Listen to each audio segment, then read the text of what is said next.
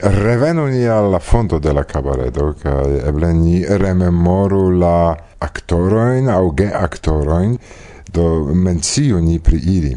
Do, estas kelkaj personoj, kiuj poste faris eh, grandan karieron, ekzemple Felix Gawecki, kiu kiel studento kantis en nia cabaredo, sed poste si fama eh, baritono de la Varsovia operejo. Sed anka mi povas diri, ke Kaj tio estis por mi specife malfacile klarigebla, ke ni tiam homoj ĉion faris senpage, ne? Kaj imagu, ke ni kelkfoje ŝanĝis reĝisorojn, estis autenticai regisoroi verai de teatro kiu okupigis pri nia cabaredo. Mi tie cim povas rememori Marian Jonkaitis, estis humoristo, kai verkisto, kai regisoro, en la teatro uh, Serena kaj tion mirigis min ke li havis tempon por esti kun ni kaj ĝis uh, meznokto ekzerci helpi nin prepari, sur senigi nia in sketchoin La mondo estis siam pli idealisma, mi pensas. Yes. Ankaŭ pri musico estis professoro de la Varsovia Conservatorio non ci estas universitato de Federico Chopin, eh? kai tiu professoro zorgis pri la musico Vidu studentoj de la musica alterneo kai la membroj de la Verda Simio presentis cantoin kiu ili exercis dum sia studado kai oni povas diri ne tute profesia, ĉar ancora estis studentoj, sed tio estis eh, serioza afero. Do, Ili cantis tion en la pola lingvo, sed mi tradukis en Esperanto, do en ambau eh, lingvoj ni povis presentigi. Kaj tio estis interesa fenomeno de tiu ĉi kabaredo, ke ĝi povis presentigi por pola kaj por Esperanta publiko. Mm? Interesa estis la ĉesto de la studentoj de teatra Alt Lernejo, mi faris iun proponoin pri sketcho, sed ili poste tion mem aranzis kai ŝanĝis, kai po ili tio esis ankaŭ tiu etudoi, iel exerzoi, ofte la serzo, la sketcho, kion mi proponis, ili complete ŝanĝis, char gia aranjo estis tiel lerdinda ke homoi multe ridis kai tio ni ĝuste utiligis dankau la conduto de la iuna aktoroj kiuj capablis ridigi eh, la publikon. Hm? En sama tempo agis en Polando fama cabaredo Dudek Do dudek eh, ne signifas dudek en Esperanto kaj la propono de tiu kabaredo estis eble ne primoki la sistemon kiel prezenti la bildon kiun eh, Ciui poloi fakte renkontiĝadis ciu tage. Cion vi desiris presenti alla homoi? Do, eh, dudec eh, venis multe pli malfrue, nia ni estis pli frua kai mi exemple imitis eh, alian cabaredon do ĉevalo ka ah. cogn ne? Kai tia mi ekvidis ce ili kiam ili capablis manipuli per vortoi kiuj parolataj signifis unu aferon, sed comprenata tutte malsame. Do i anca tion eh, metodon applicis se tamen mi ne povas diri ke ni faris eh, kabaredon kiun kritikos eh, la sistema kaj blu char ĉar tiu sistema estis por normala ni junge nulo in konis alians ne? Do ni kompreneble tion kion vi diris pri la ĉiutagaj faktoj kiuj bestis ridindaj pri si mem ne? Do ekzemple pri la pola radio. Tiam estis Esperanta redakcio de Pola Radio estis grandega sukceso mondskala che ciu eh, tage, kai du et du foie, estis eh, disaudigadai programoi de la Pola Radio. Se nun ni rigardas Do tio estis simple la stata propagando, ne? Sed samtempe ekzistis eh, tereno, mi diru, por Esperanto. Kaj pro tio tiuj eh, disaŭdigo de Pola Radio si strege popularai charili parolis ne nur pri politiko, sed tiu politiko ĉiam messi ridinda, tiom ke exemple mi memoras junian sketchon, mi parodis la Esperanta redakcion che ciam comencisis per tutte ridindai informoi pri grandega successo della industrio della pola, ted che exemple dires che nia industrio de horlogioi evoluas bonege, char ni productas la plei rapidain horlogioi in la mondo, cae eh, tio spezas, ne? iam ni interparolis che ni cerpu al Varsovia Vento la textain de viei sketchoi kai eh, mi memoras che vi multe laboris por printi al ni textain sed finfine vi collectis ilin en unu libron Ĉu vi supozas ke estos interesiĝo kaj kiom gajnos homoj kiuj legos la libron? Do mi unue diru ke mi dankas al pandemio ke tiu libro estis eldonita char la pandemio fermis min eh. en la caso heime. Kaj tia mi rememoris, ke mi havas grandan arkivon mian, kaj en tiu arkivo estas amaso da papero, ja ni ne estis komputiloj, do cion oni skribis. Kaj mi komencis fosi en mia amaso da paperoj, kaj subite mi trovis eh, tekstojn de Verda Simio, multega da tekstoj, kiuj ŝajnis al mi ridinda.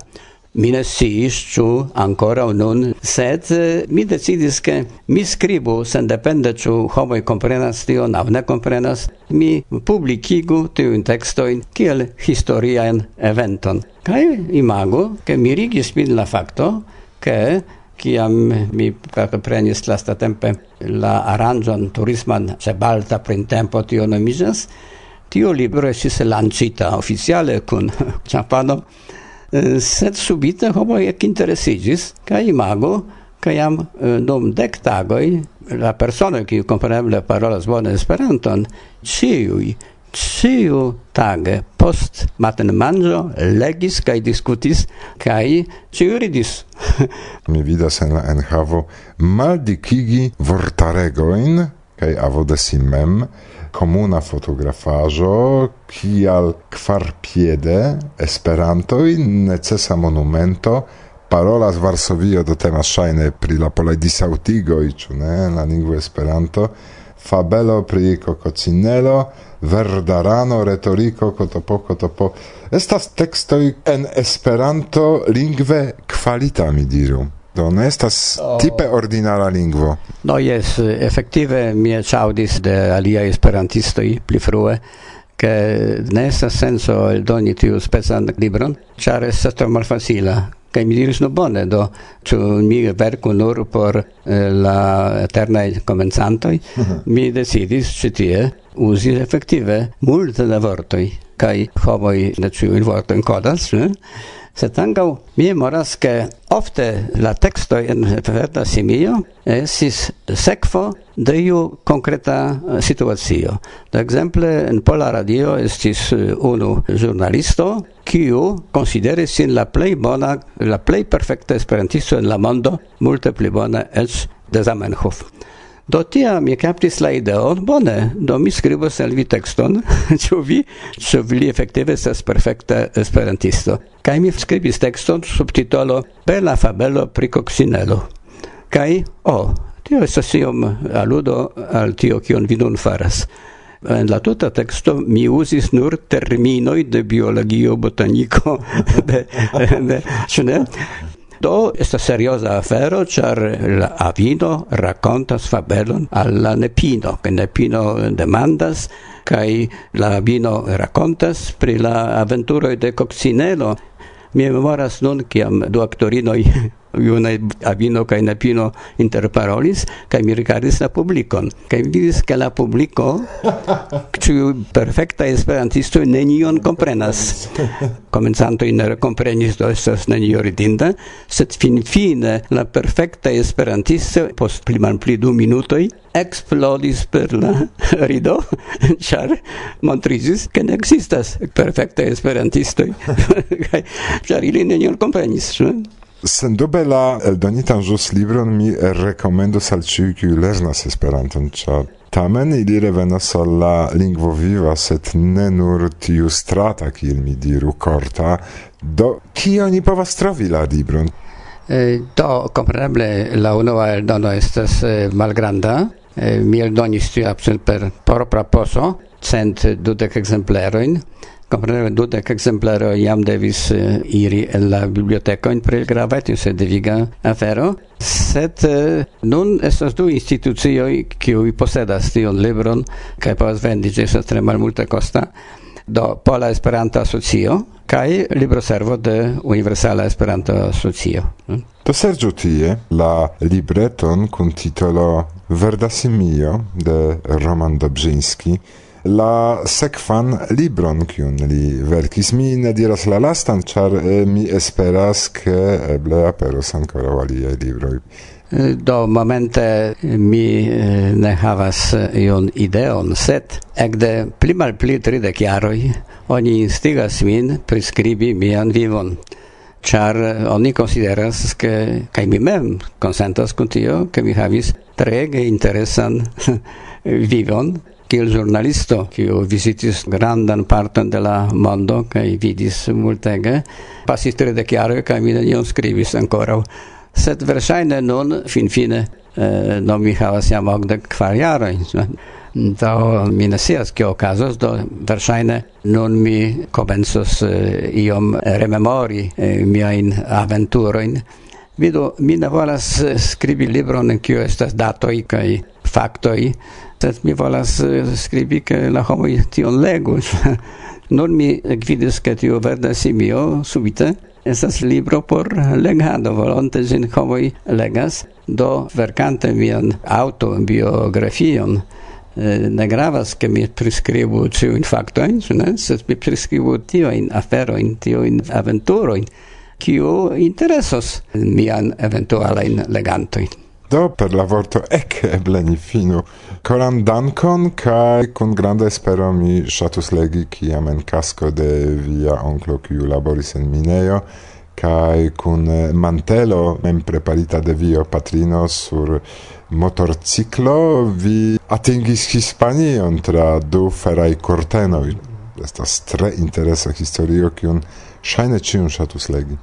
Do mi povas nur eh, fini tiel, ca mia vivo irus absolute alian vojon, se mi ne conus Esperanton. Giuste Esperanto causis che mi faligis giornalisto, pancam mi studis uh, juron, sed mi ne trovis laboron, cae subite hispana esperantisto aranges al mi vison al uh, Hispanio, tot tio esis la plei granda aventuro en tute gis nun de mia vivo.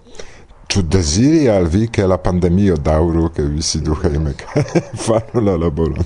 No, jes, eble mi diru che mi deziras che Varsovia vento ancora existo kai havo ancora longan vivon kai cetere eh, mi tre ŝatas Varsovia evento ĝi estas vere audinda Necesas nur aldoni bla bla bla. Dankon. Dankon.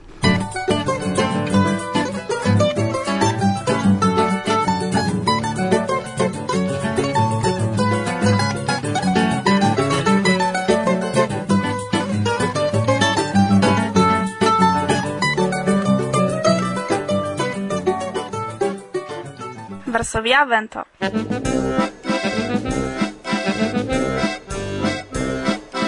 La flandrinoj dancas sen parol, sen parol dum la dimanĉa fest. La flandrinoj dancas sen parol, por flandrinoj gravas nur la gest. Danzu vi ĉar dudekjaraj nun, Ciarude Chiarulina montru sin Pro fiancigio e zigio cun La viro quiu grave digos vin Tion diras la gepatroi cai La pedel, che signore eminenzo Predicanto della abbatei. Che dialo kaj tiel ili dancas la plandrinoj, la plandrinoj, la plan, la plan, la plandrinoj, la plandrinoj dancas sen plezur, sen plezur dum la dimanĉa fest, la plandrinoj dancas sen plezur, por plandrinoj gravas nur la gest.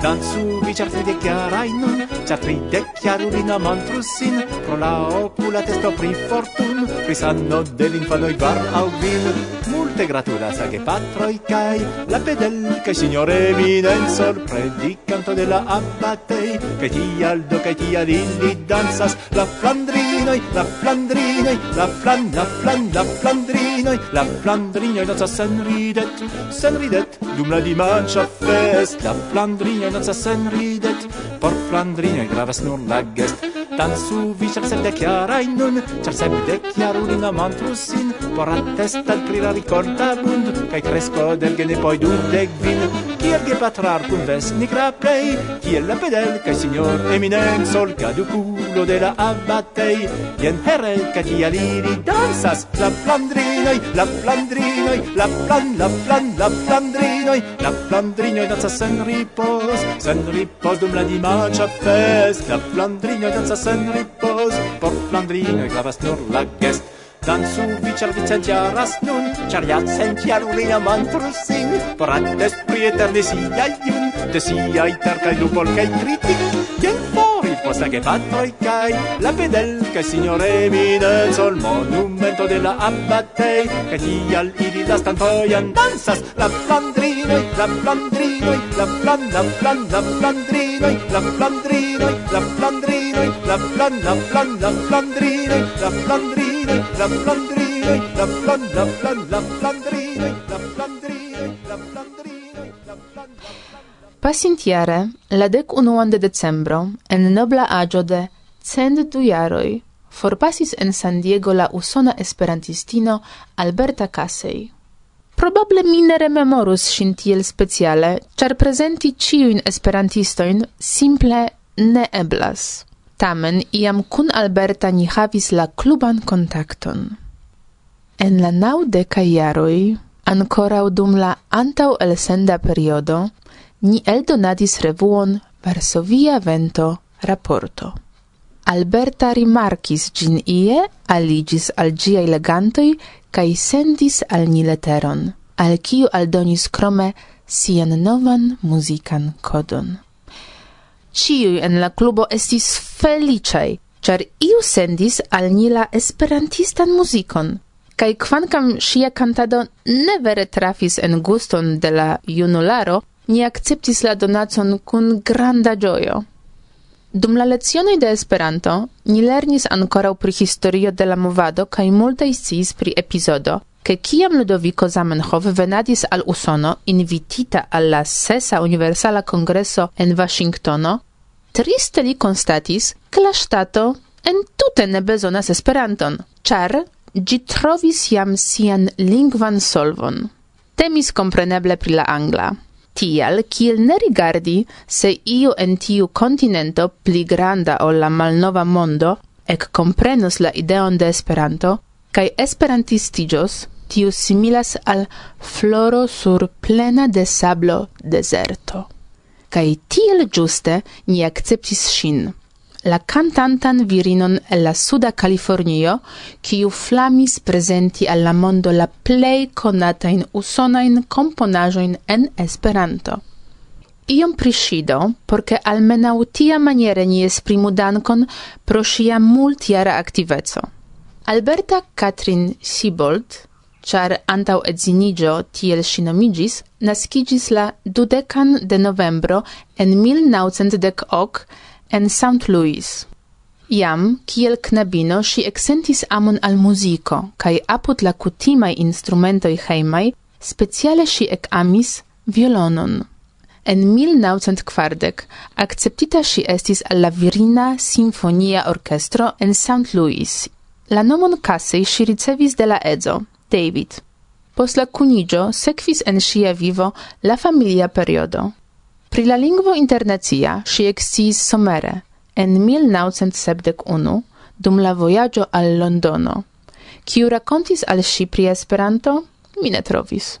Sed faris tion trafe, char influo de la malkovro evidentigis tiel forta, ke baldaŭ si igis tre aktiva en la usonaj kaj internaciaj rondoj. Sia amo al muziko kaj kapablo kanti rezultis tri albumoj titolitei. Alberta Casey kantas Esperante, San Diego Vocas kaj Alberta Casey kantas tridec cantoin en Esperanto. Tiun lastan kodon ĝuste ni ricevis de ŝi.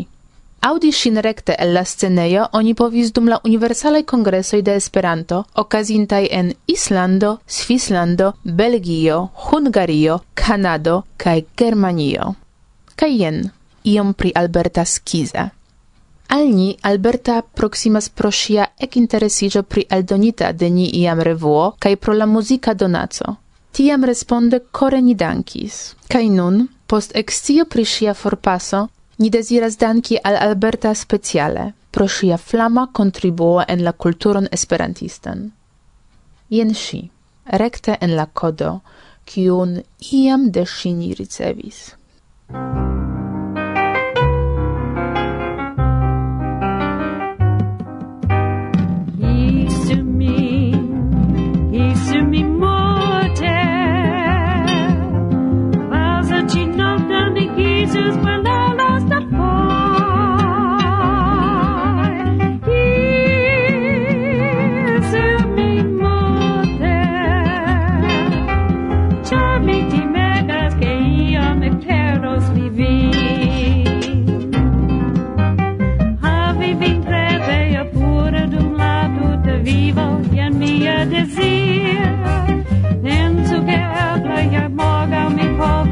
dearie, tre fara de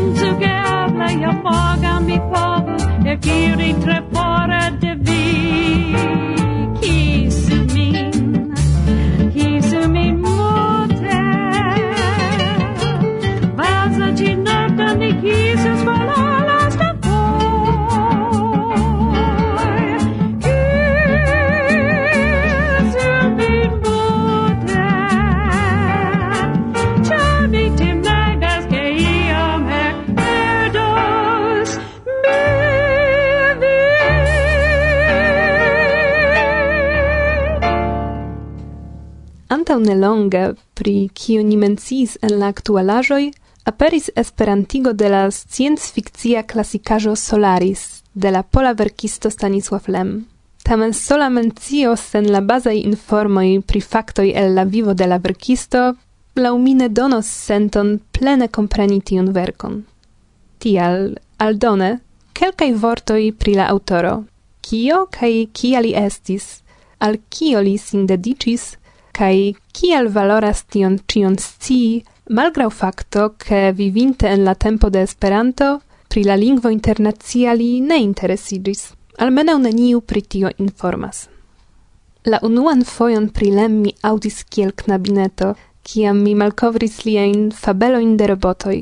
En tiu tempo, kun granda interesigio mi legis la fabeloin popolain, sed liaj rakontoj Mm, yes, ancau ili estis fabelecai, tamen lem metis la fabelan realecon en la cosman spacon, cae igis la princinoin cae sorcistoin intelligentai machinoi cun la homai sentoi.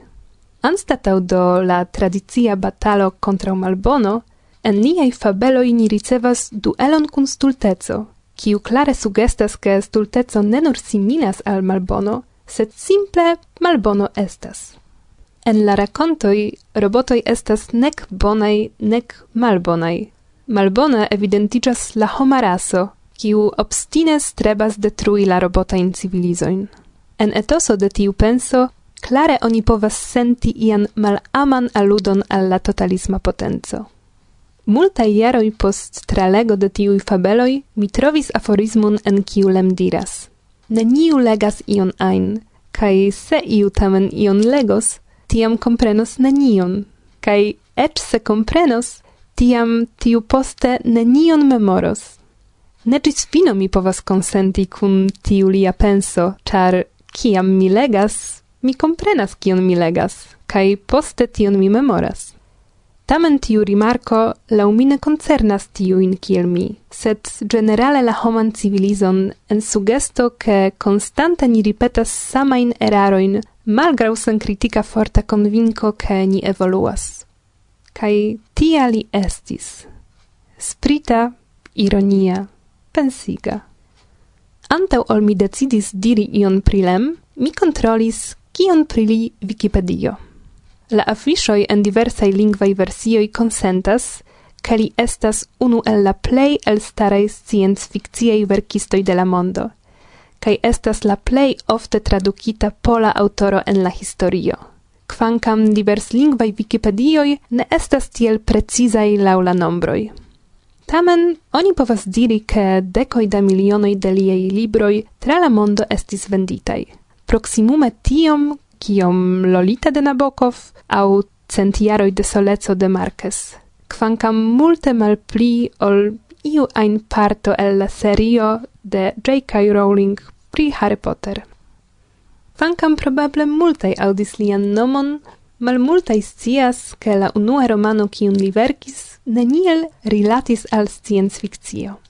Gi estis tute realisma, kai lem collectis en gi siain spertoin kai traumoin el tempo de la dua mondmilito. La vercon li ne sukcesis eldoni pro la censuro, kiu postulis aldoni ancora laudoin pri la comunismo.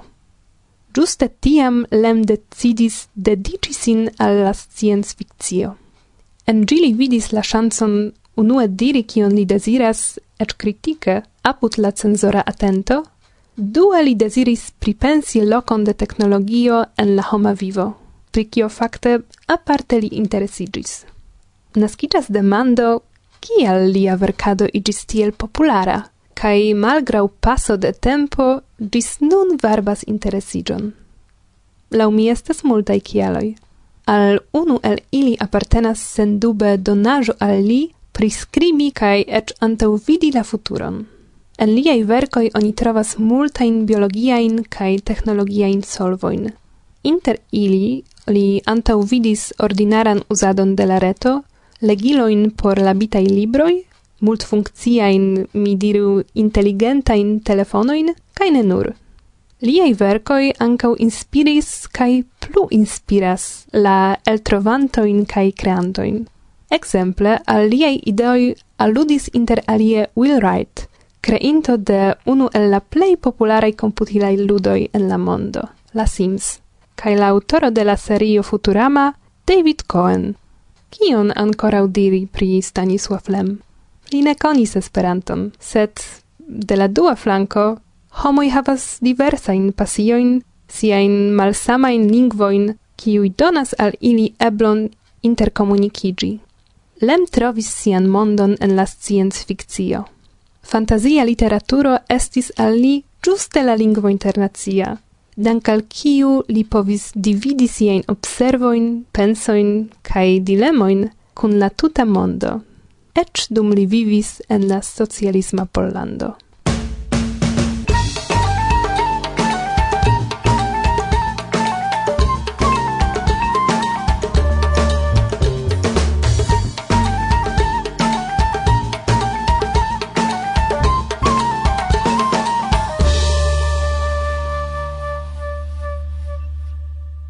Kai, carai, tio estas cio, kion preparis ni al la hodiaŭa programo. La somera, niom pli longa ol kutime pauzo, jam finiĝis do. Baldaŭ atendu la novan programon. Nome de la redakcio, kiu laboris dum preparado de ĉiel sendo. Agnieszka Rudzia, Gosia, Marysia Kamil kaj administranta la retejon Tomek el la provisora studio de Varsovia Vento. Desirante al vi antaucio sanon, sanon kai sanon, adiaŭas vin el kore. Martusia kaj Irek. Ĝis la reaŭdo, karaj. Ĝis!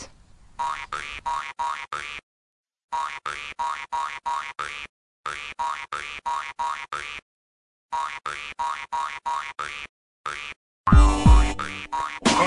Ĉu vi aŭdas min? Kiu parolas? Mi, Mazi. Mazzi. Mazzi. Oh, saluton, Mazzi. Dankon, bone. Je kioma horo komenciĝas la festeno? Kiu parolas?